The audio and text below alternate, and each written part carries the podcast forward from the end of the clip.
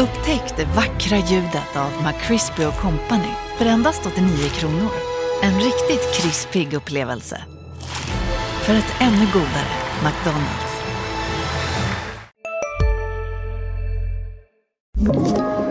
Podplay.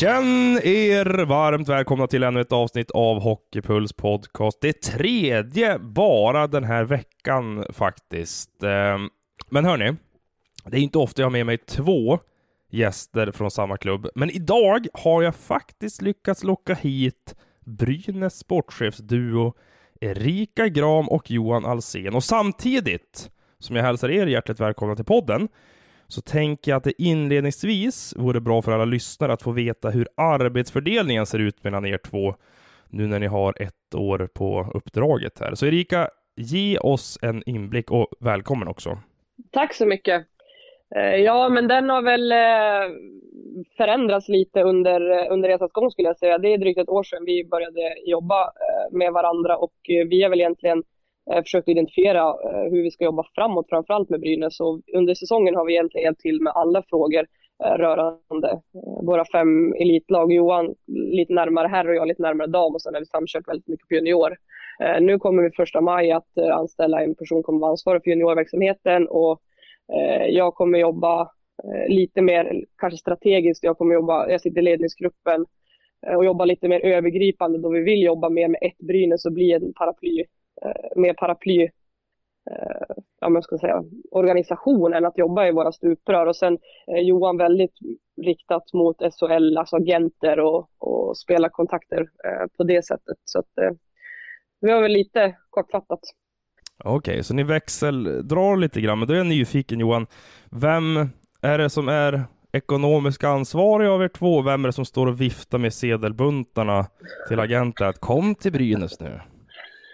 Nej, det kanske är jag som är den återhållsamma, men vi har väl egentligen försökt sudda, sudda ut gränserna och, och lite sådär generellt. Men det är klart att vi har olika personlighetsdrag, vi har olika egenskaper och nej, men det, jag tror att jag och Erik är ganska lik där. I sådana fall är det väl kanske vår klubbdirektör Håkan Svedman som viftar mer i sådana fall. men Erika, du vill spendera mer än Alsen alltså? Uh, nej, men vi är ganska lika i det där faktiskt. Vi har ganska bra samsyn i det mesta. Uh, Eh, Johan, eh, nej men jag tror båda två är ganska återhållsamma och sådär men eh, eh, nej, men vi är nog ganska lika i de frågorna. Som sagt, Håkan han viftade. Okej.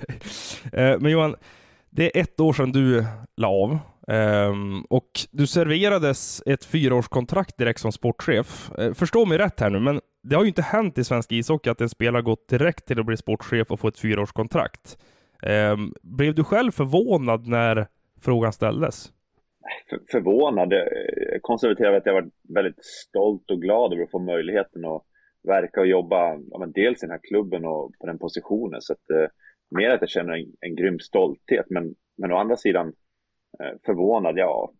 Jag, jag, mer stolt, och, men å andra sidan känner jag mig inte nöjd heller. Utan vi är långt ifrån nöjd, utan vi är ju stolta över att få verka och vara här och på de positionerna, eh, eller man pratar för mig själv, på de positioner jag har Eh, men långt ifrån nöjd. Vi har mycket kvar att göra. Vi har en lång väg kvar innan man kan känna sig nöjd. När man pratar med nyblivna sportchefer och de som har fått några månader på posten och så, då brukar man ofta höra att alltså, det var mycket mer än vad jag trodde. Oj, vilket slit det här är. Om vi börjar med dig Johan, är det, är det en bild som du skriver in dig på och finns det någonting under det här året som du har känt, oh, det här trodde jag inte på förhand? Nej, men så, så, är det ju. Det är ju det är bara konstaterat, så är det faktiskt. Och det första man slås av är ju hur bra man har det som spelare. man, man har det väldigt bra som, som, eh, som hockeyspelare idag. Eh, med allt, om man, om man tittar på SHL framförallt så har man ju ja, men med hela skyddsnätet, med försäkringar, hur vardagen ser ut. Eh, det är klart att det är en otrolig press, man lever med vardaglig press, men man har det väldigt bra. Just sportchefsjobbet så är det ju naturligtvis bakom alla ja, men, pressmeddelanden när saker har gjorts och saker presenteras så är det många, många timmar där det är arbete eh, som har lagts ner kring beslut som ska tas kring, kring saker som har gjorts. Och, eh, så att det, jag kan ju bara ställa mig i kön och hålla med där. Eh, det är ju det är mer saker som görs än vad man trodde. Det, det måste man konstatera. Erika, du har ju också nyligen lagt av som spelare, men din övergång kanske blev lite lättare med tanke på att du hade en position på ledarsidan i Brynäs sedan tidigare. Känner du det? Eh, jo, men jag gjorde väl en medveten övergång där då jag alltid haft ett jobb på sidan av. Men eh, det är ju en stor, alltså det är ju egentligen samma processer att jobba rätt emot alltså STH-verksamheten som att jobba mot, mot SHL som, men bara att SHL är mycket, mycket, mycket, mycket större. Eh, så det har ju varit väldigt mycket för mig också det här året att sätta sig in i och, och sådär. Alltså har jag och Johan också Eh, jobbat med juniorverksamheten med allt från eh, med scouting och rekrytering och nyintag och sådana grejer. Och, eh, det här året har väl vi jobbat extremt mycket, men eh, som sagt, vi har jobbat mycket med organisationen också, så framåt så kommer vi ju ha en person nu som börjar hos oss första maj som kommer jobba mot, mot juniorverksamheten med det, så att jag och Johan får jobba mer mot representationslagen. Men alltså hur, eh, vi börjar med dig Erika, hur var det att kastas in i den här verksamheten, i de här rollerna, med tanke på allt som hände i, i fjol med det där negativa kvalet mot HV71, att på något sätt sätta hela föreningen på rätt kurs igen och vara så pass oerfarna som ni båda är. Alltså ni har inte varit långvariga i de här två positionerna. Kände ni där och då att så här, det här ska bara bli kul, alltså jag vill ge mitt allt här. Eller fanns det någon farhåga om att, vänta här nu, vad har jag gett mig in på? Nej, jag har nog aldrig tänkt så, utan förra våren, det, det hände väldigt mycket som du säger och allt gick väldigt, väldigt fort. Och sen eh, från egentligen dag ett, eh, när jag och Johan blev ihopparade, så har ju vi pratat väldigt, väldigt mycket. Vi pratar med varandra varje dag under hela sommaren och även fast vi inte är på jobbet. Så att eh, jag känner väl mer mig väldigt trygg, framförallt med Johan och resten av organisationen. För det ska vi också säga, om vi är nya på våra roller så har ju vi väldigt mycket erfarna människor här runt oss på, på kontoret. Så att vi har ju väldigt, väldigt mycket människor som hjälper oss och är runt. Så att jag har nog aldrig känt eh, oro så. Det är väl mer att man har respekt för, för jobbet och rollen. Men jag tycker att det är väldigt, väldigt roligt och inspirerande. Och som Johan säger, det är en enorm stolthet också att få, få vara en del av det här. Johan, tröttnar du på Erikas röst ibland? Nej, nej, det är absolut inte. Jag tycker Erika, eh, jag slås av det varje dag. Hon är full av energi. Hon är alltid positiv och ser alltid lösningar på saker. Det är sällan man går in i Erikas rum och, och får en, en, lägre energinivå. Så att, eh, Nej, tröttnar inte på Erika. Aha, men Erika, jag antar att du tröttnar på Johans stämma va? Alltså det där är så kul att du säger det, för att jag satt och funderade på så här, om jag får frågan typ om Johans styrka, då skulle jag säga så här, han kommer alltid med jättehög energi, han vill framåt hela tiden, varje gång man kommer in i en diskussion så finns det alltid en lösning. Aha. Så du sa exakt samma ord, det var, det var kul Johan.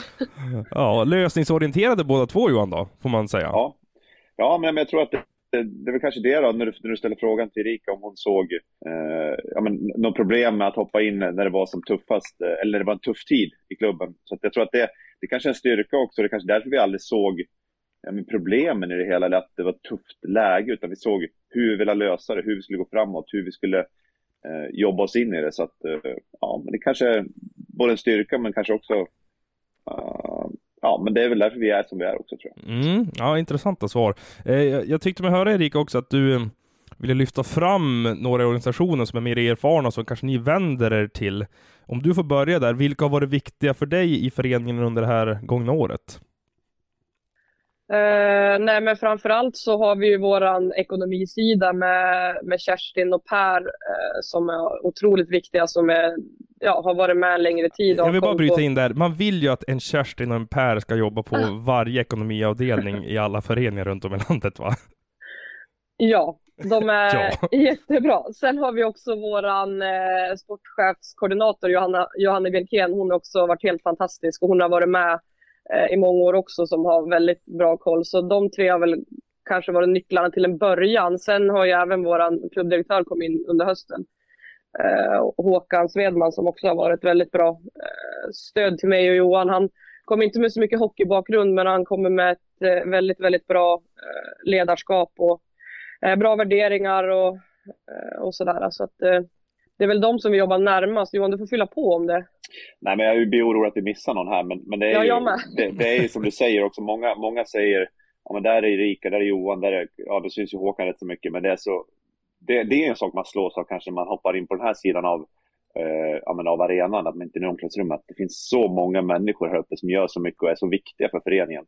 Eh, nu blir det ofta vi som syns, men det, det, är så många andra personer som är delaktig i allt som görs. Man, man tror att jag och Rika låser in oss på varsitt rum och så händer en massa saker som vi bestämmer själva och så fungerar det ju inte. Eh, om de som, någon som trodde det så är det ju inte så. Men eh, framförallt de, det är ju de som vi jobbar närmast. Och det... Ja, kanske framförallt i planering och sådana bitar och i beslutsdelar så är väl de eh, nära oss. Men sen, sen också så eftersom att vi har varit två stycken på alla fem lag så har vi jobbat väldigt, väldigt nära alla tränare i år också. Så att, eh...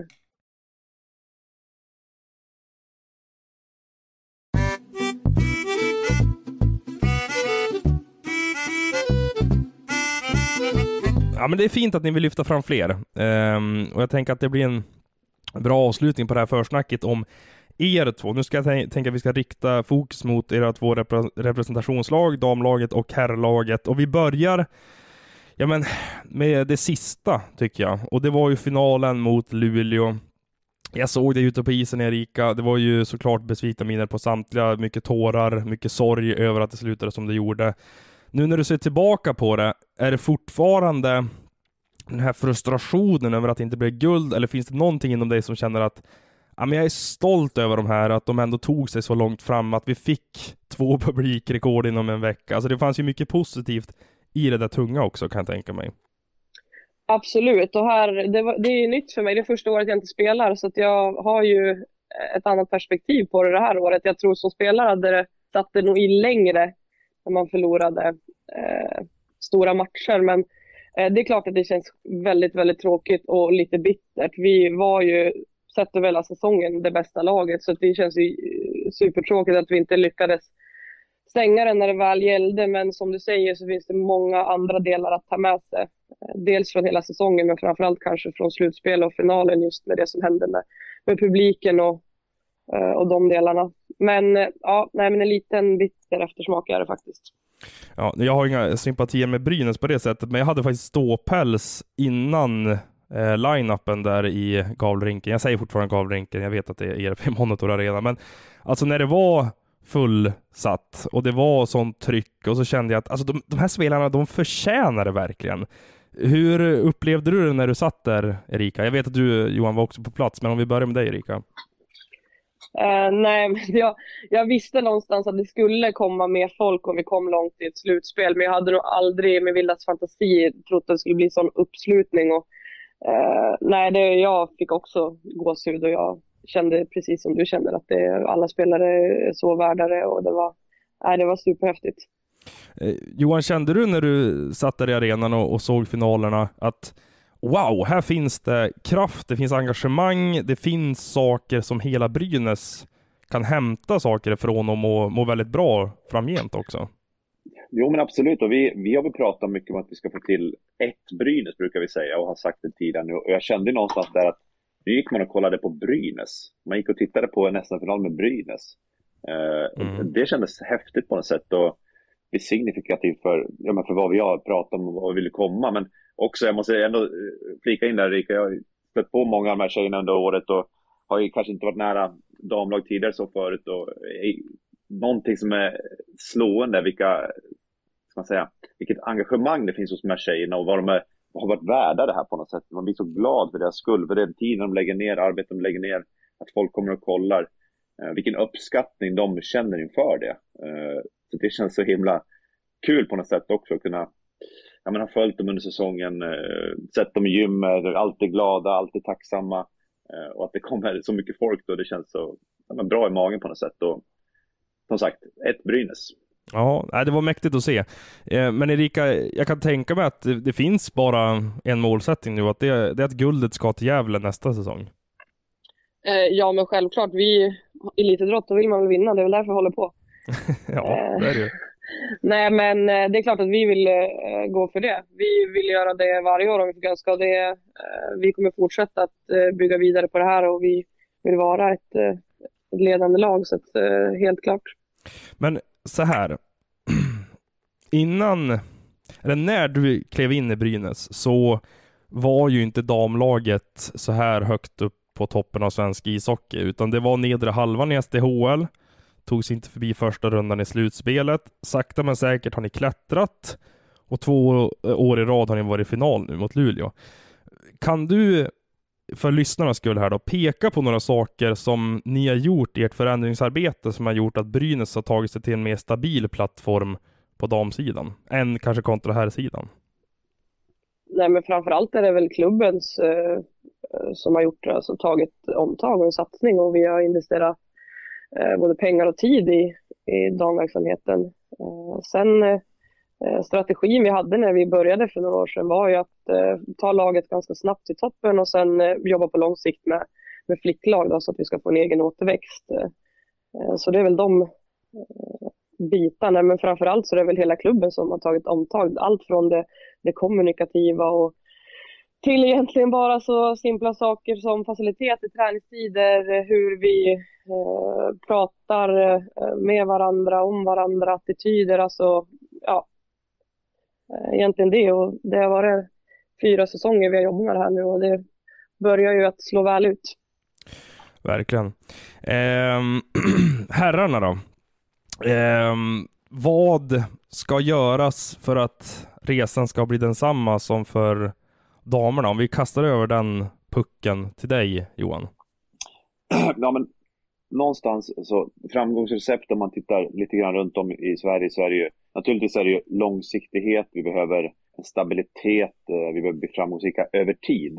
Eh, och där ser ju vi ganska snabbt då att juniorverksamheten är någonting som ska göda oss, föda oss. Vi vill få igång hjulet, vi, får, vi vill få upp mer juniorer, vi vill eh, ja, men, börja skörda snart. Snart kommer ju de här NHL-grabbarna, snart blir de Uh, nu är det dags att komma hem, tycker vi. Jaha, okej. Okay. alltså Jakob Markström, Niklas Bäckström, Elias Lindholm, Kalle Järnkrok, det är de du hoppas på här? Ja, men vi vill ju någonstans såklart ha, ha en stabil grund av långsiktiga avtal där vi har ledande spelare på längre kontrakt, även om alla idag vet att ofta när det finns ett längre avtal så finns det ju klausuler, det finns vägar ut, men vi vill ha en stabil grund av spelare, nyckelspelare på längre avtal. Vi vill kunna ha mer flöde av unga spelare som är uppe och trycker på, eh, pushar på pacen på träningar, upp och liksom, man säga, eh, ja, men kommer med ungdomlig entusiasm. Mm. Eh, vi, vill, vi vill ha mer av den varan och det är därför vi också rekryterar en till person som vi sa tidigare under det här avsnittet på juniorsidan. För vi vill eh, att det ska bli bättre. Eh, vi tror också att eh, vi, kommer, vi vill skapa en välmående kultur. Vi vill ha ett ledarskap med balans mellan omtanke, krav, trygghet, tydlighet, ja, men, kärlek men ändå höga krav och förväntningar. Eh, vi tror också när vi vill när vi vill ha fram unga spelare säger vi, men då vill vi också ha en tydlig identitet i, genom hela föreningen. Någonstans måste man ju kunna, eh, inte bara kasta in juniorer i verksamheten och hoppas att tro att de kommer eh, ja, kunna komma upp i A-laget, herrlaget utan att det blir något problem. Där vill vi ha en tydlig identitet, spelare, det som man lär sig under resans gång, när man kommer in som 16-17-åring. När man kommer ut som 20-åring genom den tunneln, då vill vi att man ska ha eh, fått ja, men dels alla värderingar, allt det vi står för, men också ska man ha blivit inslipad i ett sätt att tänka, ett sätt att spela på, ett sätt att vara på isen. Sen ska alla vara sig själv naturligtvis.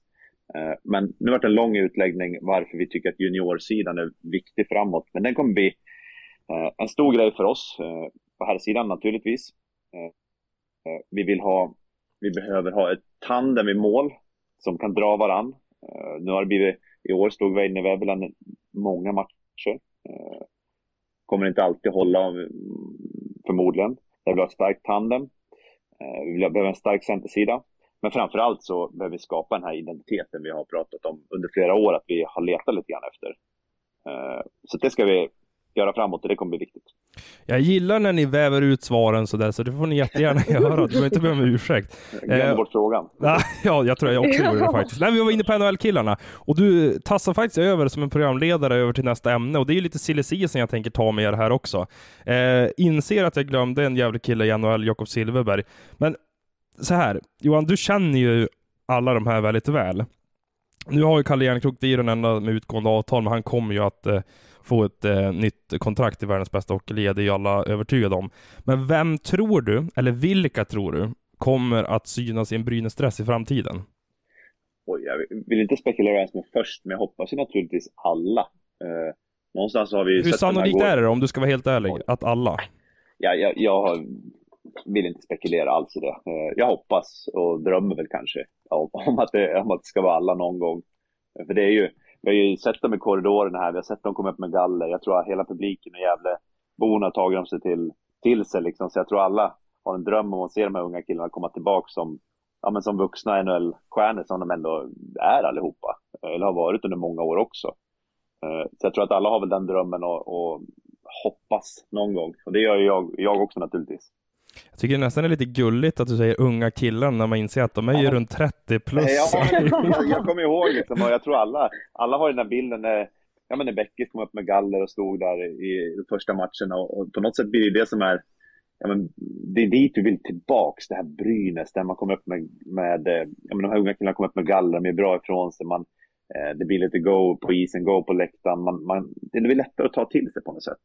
Eh, så att jag tycker det är något fint i det också, och det är ju som sagt, det ska inte bara vara gull-gull, men det är en framgångsfaktor också när vi tittar runt vilka som är framgångsrika. Och när vi har varit framgångsrika, då har vi fått fram egna spelare. Då är det de som har varit våra ledande spelare också. Så att, eh, så. Ja, eh, tyckte man höra Väinö Väveläinen där också. Han hade ju en enorm arbetsbörda under den gångna säsongen som du var inne på Johan. Eh, mm. var, var, var, I alla fall enligt olika uppgifter i media så verkar ni ju för en dialog om honom inför nästa säsong, eh, Erika. Vad kan du säga egentligen om de förhandlingarna som pågår? Eh, men Väinö gjorde en jättebra säsong och som Johan sa, han stod väldigt mycket matcher och gjorde en bra säsong. Så det är klart att Väinö är intressant för oss. och det, och det innebär att han är ett prioriterat objekt på marknaden för er? Att ni har honom väldigt vi... högt upp på listan eller? Ja, vi för dialog med Väinö. Det gör vi. Det är en självklarhet. Ja, jag tror inte någon är förvånad över det svaret faktiskt. Eh, min kollega Johan Svensson har ju avslöjat det att det, ni är muntligt överens med Anders Lindbäck och då tänker man så här, oh, vilket målvaktspar det kan bli i Gävle nästa säsong. Eh, Johan, hur nära är det att det går från muntligt överens till att det faktiskt är en kråka på det där pappret? Nej, men jag pratade med Johan om det också. Någonstans blir det ju en hypotes. För det första så har ju Anders, han har ju ett avtal med, med Jokerit. Och sen eh, har ju vi, som jag sagt många gånger tidigare också, vi har ju en dialog med alla de här gamla Brynäsarna. Vi tycker att det, ja men de har representerat den här klubben och vi har största respekt för alla som har varit. Alltså, vi försöker ha en bra dialog med alla, eh, vare sig avtal eller inte. Men nu är det ju faktiskt att Anders har ett eh, gällande avtal med Jokerit, så det blir en hypotes. Men det är klart att vi pratar med han vad han ska göra i framtiden, eh, som vi gör med alla andra. Men nu har ju Jari Kurri i Jokerit gått ut och sagt att nej, vi kommer behöva en säsong för att bygga om hela verksamheten för att eh, delta i finska högsta ligan. Så de planerar ju att starta först 23-24 säsongen. Eh, vilket gör att det finns säkert spelare som kan riva, alltså deras kontrakt kan rivas upp under kommande säsong. Kan det bli aktuellt med Lindbäck? Nej, jag vill inte spekulera. Det blir också vi är specialister på det vi gör, precis som du. Därför försäkrar vi på Swedea bara småföretag, som ditt. För oss är små företag alltid större än stora och vår företagsförsäkring anpassar sig helt efter firmans förutsättningar. Gå in på swedea.se företag och jämför själv. Hej, Synoptik här. Hos oss får du hjälp med att ta hand om din ögonhälsa. Med vår synundersökning kan vi upptäcka både synförändringar och tecken på vanliga ögonsjukdomar. Boka tid på synoptik.se. Så, så här, eh, kommentera en som tillhör ett annat lag. Jag tycker det känns fel, så vi, vi håller oss lite borta från det. Han, han tillhör Jokerit och vi vill inte riktigt prata om spelare som har avtal med andra lag. så. Okej. Okay. Eh, då kan ni få prata om en spelare som ni valde att eh, släppa Kappa här, som hade ett optionsår, er poängbästa back. Eh, Erika, hur gick tankegångarna när ni kände att Shay Ganaway, ah, han är inte med i våra framtidsplaner här? Nej, men vi har väl haft en eh, dialog med, med Shay eh, under säsongen och, och, här under våren. Och, eh, sen i nuläget så valde vi att inte utnyttja den och sen eh, får vi se vad som händer framåt. Men eh, i nuläget så eh, valde vi att inte förlänga den eller använda optionen. Men den kan aktiveras alltså ändå längre fram här? Som sagt, det, all mycket kan hända, men i nuläget så, så är vi trygga i beslutet och det finns eh, dialog, men eh, vi, vi har gått vidare med, med tjej nu och sådär. Okej. Okay. Um, jag ska rabbla lite namn här för alla lyssnare också, uh, när det kommer till spelare som ni har släppt iväg. Eh, Anton Müllery nämnde Shay Ganaway, Niklas Danielsson, Kristoffer Berglund, Tom Vandell, Kristers Gudlevskis, Oskars Sibulskis och sen har Noel Gunler, eh, han har just signat med Carolina Hurricanes. Eh, jag skulle säga att alla här var ändå väntade namn i någon mån. Men att Noel Gunler inte längre blir kvar i Gävle, eh, Johan, hur eh, känner du för det? Och, och, finns det någon möjlighet, pratar ni om det, att han kanske kan återvända nästa säsong på lån? Eh, ja, den dörren har vi absolut inte stängt. Och, nej, men det är alltid kul, det måste man ändå tycka. Man vill ju, jag brukar ofta säga att jag vill att folk ska vilja spela i Brynäs och förstå och tycka om att vara här. Men någonstans vill man också att man ska vilja vidare. Man ska vilja till, vilja till högre ligor. Så att eh, vi är någonstans glada för han skulle att han får chansen där borta och skriva ett NHL-avtal som ja, men alla drömmer om någonstans. Så att, eh, det ser vi som kul. Uh, visst finns det en chans och möjlighet att uh, han eventuellt kan återvända i framtiden, uh, men det får vi se.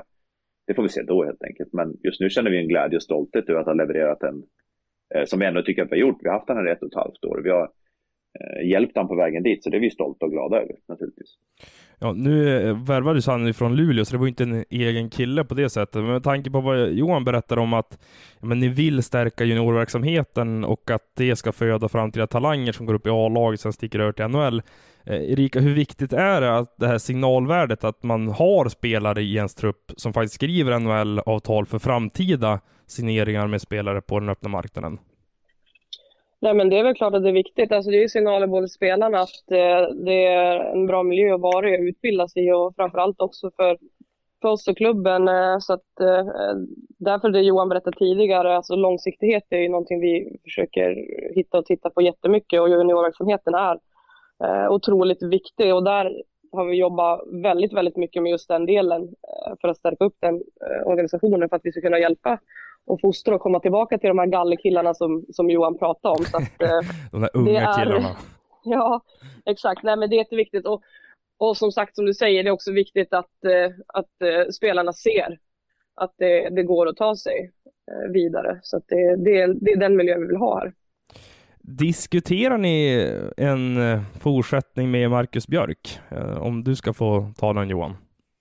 Nej, men alla som vi inte har kommunicerat eh, så, så, har vi någon form av, kan man säga, vi har en dialog, vi har utvärderat säsongen, vi har bytt bilder och de vi inte har kommunicerat finns det inga eh, klara beslut helt åt det ena eller andra hållet. Så att, eh, det är väl egentligen ett svar på alla spelare som inte har kommunicerat, att det inte finns 100 procent, eh, ja men hur diskussionerna går vill vi inte liksom prata om öppet, utan det är mellan oss, det är ingenting vi pratar om i tidningen så. Men de diskuterar man, vi har bytt bilder, vi har utvärderat säsongen. Sen eh, beslut kommer vi kommunicera när det finns. Jag såg en öppning där att få lite avslöjanden, för du sa att det diskuterar vi inte öppet i tidningen, men det här är ju podd. Så ja. då kanske jag kan få, få, få några svar här. Eh, ja, inte idag. Okej, inte idag. Eh, men så här, om jag ställer samma fråga om Emil Molin och Tommy Sallinen till dig Erika, kommer du svara på ett eh, likartat sätt som eh, Johan gjorde här om Marcus Björk eller? Precis samma svar får jag mig. Okej. Um, jag inser ju att för första gången så hade ni exit-samtal med samtliga spelare i herrtruppen. Alltså, vi börjar med dig Johan här. Hur var det att sitta på andra sidan bordet och utvärdera en säsong tillsammans med killar som men merparten har du faktiskt spelat med i närtid? Mm. Eh, nej men det, det, det, det, var väl bra, det kändes naturligt. Sen, sen är det klart att som du säger, det var första gången ska vara ärlig och säga, det visste man ju inte hur det skulle kännas. Eh, man kan ju tro och hoppas och, och, och, sådär, men det är klart att man måste vara ärlig och säga att det hade man ingen aning om hur det skulle kännas. Men Eh, jag tycker det funkar bra. Eh, ärliga samtal, eh, ärligt och tydligt. Jag tror att det är liksom vägen framåt i sådana grejer. Jag tror generellt som, som i min roll och från spelare så tror jag att det på något sätt, om jag får sväva ut igen själv, så tror jag att det är lättare än att gå från spelare till tränare. För går du till tränare direkt från spelartruppen, då blir du synad varje dag. Alla beslut, alla steg du tar blir liksom i vardagen synat. Nu är det en, två gånger om året kanske man sitter skarpt och, och är riktigt ärlig, eh, öga mot öga på, på det sättet. Så jag tror att det är någonstans lättare, tror jag. Eh, eller ja, tror, för jag vet inte, men det är min bild i alla fall att det det är någonstans lite lättare att det blir någon gång per år istället för att man blir synad varje dag som tränare. Så att jag tror att Sportchef, ja. Hoppa direkt från spelartruppen. Det är klart att det finns en problematik kanske, men jag tror att det hade varit svårare att gå till tränare faktiskt. Ja. Vem har ni hetsat mest mot, om ni har gjort det någon gång i ett sånt där exit-samtal? Alltså med tränare eller sportchefer som ni har haft tidigare under era spelarkarriärer? Vem, vem som helst får ta den här. Ja, men alltså, jag ser framför mig typ att du Erika eller Johan står på andra sidan bordet där och bara Vad är du dum i huvudet eller? Alltså, så där, så, där är det absolut inte säsongen varit. Vad tänker du med? Alltså, man, har, har ni gjort det någon gång? Nej, det tror jag inte jag har gjort. Nähä. Det, det funkar alltså inte så? Man sitter tyst, låten och... Så här, Jaha, båda var lugna. Du också Johan? Ja, ja och jag tror att jag, jag är en lugnare person än vad folk tror. jag, jag, nej, jag har inte stått heller och skrikit på bordet. Nej, okej. Okay. Ja, jag presenterar bara mina fantasier där om hur ett exit-samtal kan se ut.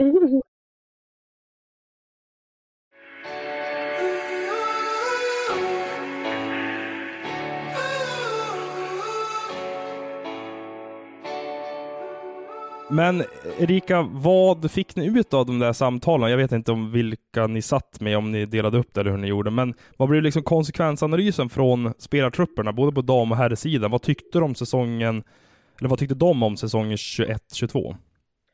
Eh, Johan har suttit med de flesta herrspelarna och jag med de flesta damspelarna. Så att, eh, men generellt bilden när jag och Johan eh, pratar ihop oss om, om alla samtal är egentligen att det är en bra säsong, att eh, vi är på väg någonstans och det är en god känsla i, i egentligen båda spelartrupperna och vi har också suttit med, med alla ledare och eh, alla är, är, positiva och är med på det vi gör och, och tror på det vi gör och, eh, och så att eh, generellt en, jag menar, positiv och god känsla. Johan, du får fylla i. Nej, men precis så. Och det som slår en är väl att alla är ju väldigt sugna på att ta nästa steg nu. Alla, alla känner att vi är någonstans, nu fyller jag bara egentligen i, men alla känner att vi, att vi är på väg någonstans. Vi är på rätt väg, men det kommer inte ske av sig självt. Så alla är känns väldigt laddade på att ta, på att ta nästa steg. Att vi ändå har byggt någon form av fundament som, som man tror på, som vi kan stå lite stadigt i eller i alla fall hålla fast i. Eh, så att nu känns det som att det är en riktig, inte revanschlust, men att det finns en, en ambition om att ta nästa steg hos alla. Så det känns inspirerande såklart. Ja, och då är ju två spelare som ska vara en del av det här fundamentet. Det är Johannes Kinnvall och Samuel Johannesson som vi har uppgifter, alltså Sportexpressen, på att ni har klara med till nästa säsong. När presenteras de då, Erika? Det är eh, ingenting vi har koll på tänkte jag säga. Aha. Nej, men som sagt, eh, det är samma sak där. Vi kommenterar inte spelare som sitter avtal med andra klubbar, utan eh, vi är på spelarna som är hos oss och de dialogerna vi för och sen eh, eh så det, det är nuläget vi har idag. Okej. Okay. Eh, Johan, fick du någon gång tipset från eh, den sportchef som du har liksom verkat under mest, Micke Sundlöv, att hör du, värva högerfattade backar. Det är bra det är väl tipset alla ger, tänkte jag säga. Exakt. offensiva rightbackar, det är väl liksom... Precis. Det är väl de, och så, det är, det är sådana, sådana man ska ha på deadline-dagen också. Ja. Offensiv rightback. Och så tvåvägscentrar och sen riktigt bra första målvakt.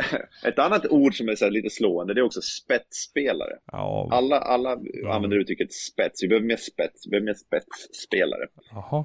Hur skulle du vilja rubricera då? Ja, men det är en bred definition för mig. För mig kan det vara så många olika saker. För mig, ja, men vad är en, en, en ledande spelare?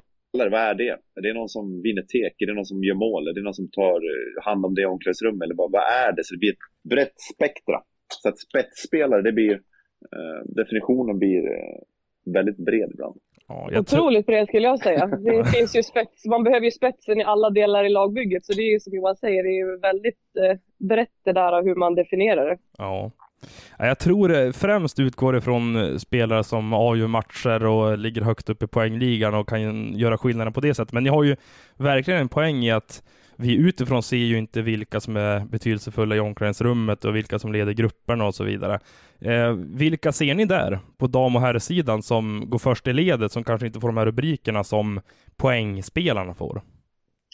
Jag kan väl bara, en, en grej som jag skulle vilja skicka en passning ut och det tycker jag att Många har ju bilden av att kanske Anton Rudin bara är en duktig spelare. Jag måste säga att han har växt otroligt mycket som människa under åren som han, eh, ja, men sen han kom hem här. Jag tycker han har blivit, eh, jag ska inte säga vuxen, men många har bilden av att det är bra, han är en bra spelare, han leder på isen, men han är en fantastisk person. Han har blivit eh, otroligt, eh, ja men han har utvecklats otroligt mycket måste jag säga, så jag måste få ta tillfället i akt och berömma han lite grann. Eh, både han och Simon Bertilsson också. Många tror att det här är en duktig spelare, men de tar ett stort ansvar på sidan. De, är, eh, ja, men de har utvecklats väldigt mycket som personer båda de två, så det tycker jag alla kan lyssna på när jag säger. Ja, absolut. Och sen ska vi väl lägga till också, liksom om vi fortsätter på, även Linus Ölund har gjort en jätteresa och Mm. också tagit ett stort ansvar där. Eh, och det blir någonstans av liksom stommen som har varit här och, och sådär. Mm. Som, eh, jag tror lätt för spelare att komma in och förhålla sig till och, och när de har varit här och, och har sett, satt liksom en standard på det sättet. Han har ju fått spela i landslaget under säsongen och så tänker man att ja, i framtiden, Anton Edin kommer inte spela för alltid. Kan det till och med vara en framtida Brynäs-kapten, Linus Ölund? Ja, men det, kan, det, det är klart att det kan vara. Vi har många som skulle kunna vara kapten idag också. Eh, nu nämnde inte jag Greg Scott eh, heller, men jag tycker att de här fyra, jag ska inte glömma någon, men, men det är otroligt bra grabbar, bra personer. Eh, och också naturligtvis bra spelare, men de andra, de som jag sa i början, jag tror att många har bilden av att det bara är bra spelare, men det är riktigt fina, bra, eh, ledande personer som har utvecklats enormt. Sidan. Erika, om man tittar på damlaget så är det ju mycket fokus på Majnirén Persson när hon blev årets back i SDHL och så såklart poängdrottningen eh, Laura Stalder. Men det måste ju finnas, precis som i här laget, spelare där som ja, men, allmänheten kanske inte vet så mycket om, som är väldigt eh, viktiga. Absolut. Eh, Vi har haft en otroligt eh, duktig tredje kedja i SDH-laget då med tre svenska tjejer, Jenny Antonsson, Hanna Tuvik och Emma Muren som har eh, dragit enormt last utifrån de här, kanske de här, inte få rubrikerna utifrån att göra alla mål och passningar utan eh, gör mycket andra viktiga saker för laget. Sen skulle jag väl också eh, vilja lyfta fram eh, Denisa Krishova som har eh, varit här i tre säsonger som är Mm. Jag vet inte, det, för er som såg finalspelet så fick hon ju verkligen lysa lite där utifrån dels det här hårda jobbet och, och kunna, eh, ja men som jag sa, jobba hårt men även kunna vara spetsen och lite avgörande i vissa lägen. Alltså hade ni tagit guldet, hon hade ju kunnat vara en kandidat då till slutspelets MVP med tanke på hur bra hon var under de där veckorna.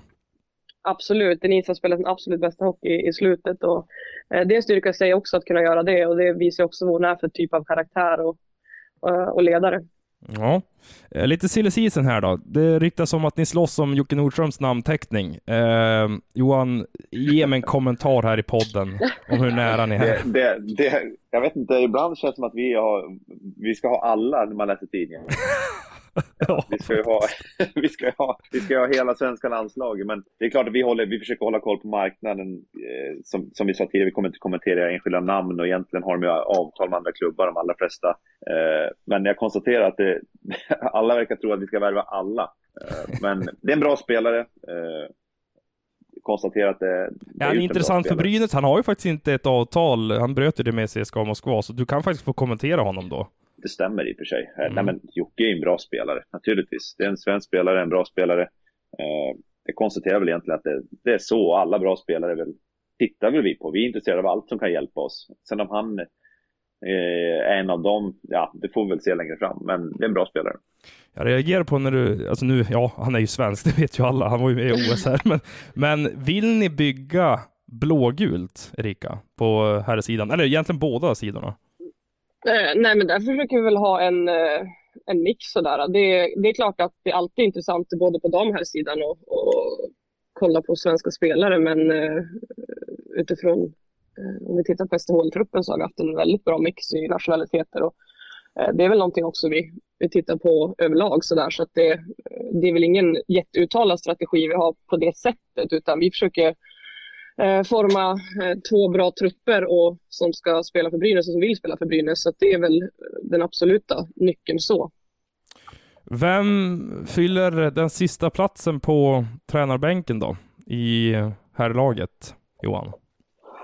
Eh, nej, men där har vi också ett arbete där vi försöker utvärdera vad vi, vad vi tycker om säsongen. Eh, vi tycker om Mikkos ledarskap, vi tycker om det som har bedrivits eh, operativt. Vi, vi tycker att det är bra. Så där, vi har väl inga kommentarer kring det just idag, mer än att det finns en diskussion kring hur det ska eh, se ut framåt och hur det har varit och vad vi behöver. Eh, så att där är vi.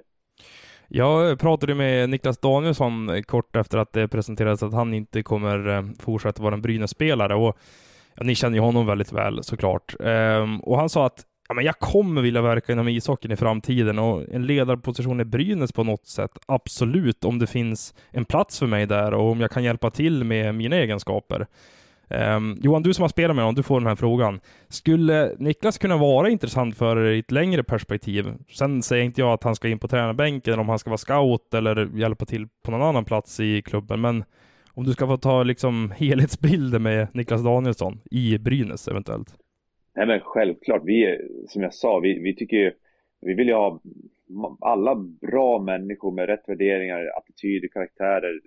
Vi vill ju ha sådana människor på alla platser i den här föreningen. Och Niklas är ju just en sån. Alltså utifrån bara person så är han ju, för mig har han ju alla rätt. Han är ju en kille man kan lita på, prestigelös, eh, bra karaktär, bra, bra person. Han har en bra mix mellan, eh, vad ska man säga, kram och krav. Alltså han är eh, ja, men han är alla rätt för mig, så att han naturligtvis är den kille. Skulle han vilja verka som ledare i Brynäs och ha den ambitionen, det är klart att vi skulle sitta ner med han och lyssna. Absolut. Det där uttrycket har jag aldrig hört förut, men jag tror att jag kommer att eh, kopiera det och ta med det i framtiden. Att, han ligger, att man ligger perfekt mellan kram och krav. Det ja. gillade jag. Kom du på det nu eller? Eller pratar ni så i Brynäs?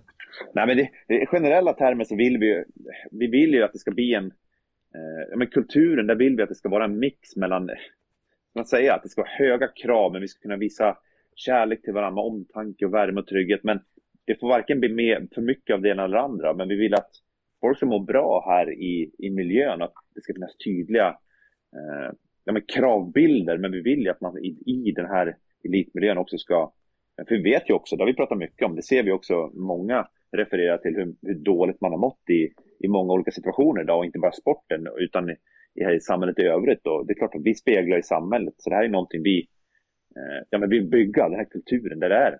Ja, nu säger jag det igen. Kram och krav, omtanke, värme, trygghet, men ändå, ändå krav. Liksom. Det ska vara tufft, det ska vara, eh, det ska vara mycket träning, det ska vara hårda träningar, det ska vara bra träningar, men också med värme och trygghet i botten. Ja. Ja, det, det jag vill jobba jättemycket med i år, det här, just det ledarskapet, alltså balansen. För att jag menar, finns det omtanke, värme och trygghet i grund och botten, då blir ju kravställningen och tydligheten eh, egentligen jag ska säga, mycket lättare också. Mm. Så det är väl egentligen någonting vi pratar om, alltså Johan, Johan och jag pratar om det jättemycket, men egentligen genom alla och Håkan, vår klubbdirektör, är också väldigt, eh, pratar mycket så genom, genom hela organisationen Brynäs oavsett vart man jobbar. Mm. Ja, jättespännande. Eh, jag vill simma tillbaka till Niklas Danielsson där. Eh, pratar ni med honom, Erika, just nu om en roll? Nej, men det är som sagt, vi har ju haft exit med alla och det är ju eh, relativt eh, nytt och färskt. Eh, men såklart, så, som Johan säger, att eh, det ska väl landa lite hos Niklas själv också. Och han kommer, om han är intresserad av att ha någon form av ledarroll i Brynäs i framtiden så är det självklart att vi vill sitta ner med honom. Så att eh, Eh, vi får se här vad som händer framöver. Eh, Johan, det här blir sista frågan i podden. Eh, vilken position tror du att han skulle passa bäst i, utifrån hur du känner honom? Nej, men Niklas är ju, han är ju en ledare tycker jag. Eh, han är ju, ja, jag vet inte vad jag ska säga, men nu är det klart att han är tränarämne, absolut. Mm -hmm. Jaha, då vet vi vem som fyller den där assisterande tränarpositionen. Hörni, eh, vi börjar närma oss en halvlek här, eh, när vi, om man ska prata fotbollstermer. Brukar ni, eh, alltså nu när ni är sportchefer och inte spelar längre, går ni också ut på uppvärmningen av matcherna och kör två nudd? jag spelade aldrig två nudd som spelare faktiskt. Va? Nej, jag gjorde inte det. Jag, eller jo, när jag var ung, men sen så Leffe Borg tog ju bort fotbollen för oss när han, vi hade oss i Damkronorna fem år, så då hittade jag nya rutiner och äh, grejer. Så. Men vänta här nu, vad hade Borken emot bollen? Jag vet inte. Vi, det blev ingen fotboll i alla fall. Eh, jag hade han i fem år i landslaget, så det var ingen fotboll där. Så som sagt, jag skapade nya rutiner, så att, eh, det blev inte mycket fotboll. Så att, nej, det är inget, det är inget tvånudd före. Okej. Okay. Det känns som att, eh, alltså, nu, det här är en fördom, nu får du ta den som, ja, för vad det är, men att du, du kör mycket, om du ska slå rekord i, i att trixa med boll, då kör du mycket lår och knän. var, det, var den till mig? Ja, den var till dig. nej, nej, nej, jag tror men däremot mycket högerfot. Extremt högerfot. Så, höger, höger knä, höger fot. Ja, ja. Men ni går alltså inte ut och kör två nudd innan matcher, det kan vi dementera här. Inget tvånudd. Men båda är duktiga på att träna och fortsätta hålla igång. Johan är starkare nu än när han spelar. Jaha, Sant faktiskt. Ja. oj då. Vi, vila mellan passen nu, så nu får man effekt på träningen för första gången. Ja. Kan, kan, kan jag få era PB i eh, marklyft här? Kan ni avslöja det?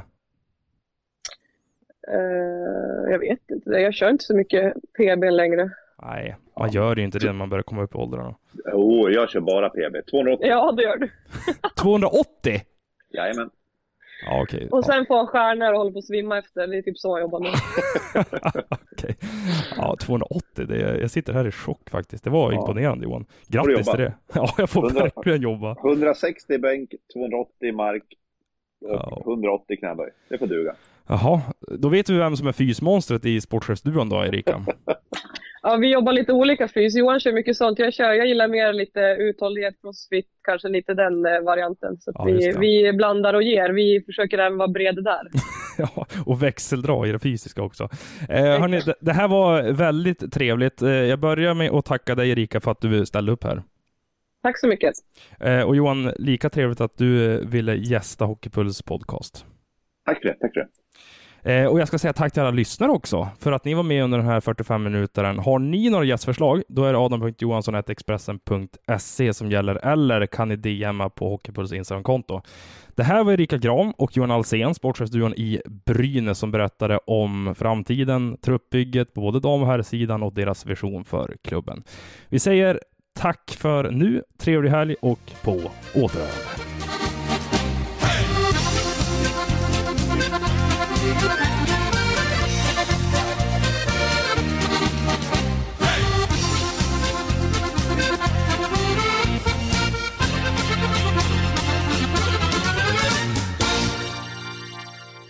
Du har lyssnat på en podcast från Expressen. Ansvarig utgivare Klas Granström. Hej, Susanne Axel här. När du gör som jag och listar dig på en av Krys vårdcentraler får du en fast läkarkontakt som kan din sjukdomshistoria. Du får träffa erfarna specialister, tillgång till lättakuten och så kan du chatta med vårdpersonalen. Så gör ditt viktigaste val idag, lista dig hos Kry. Ni är med om det största. Och det största är den minsta. Ni minns de första ögonblicken. Och den där blicken gör er starkare. Så starka att ni är ömtåliga. Men hittar trygghet i Sveriges populäraste barnförsäkring. Trygg Hansa. Trygghet för livet.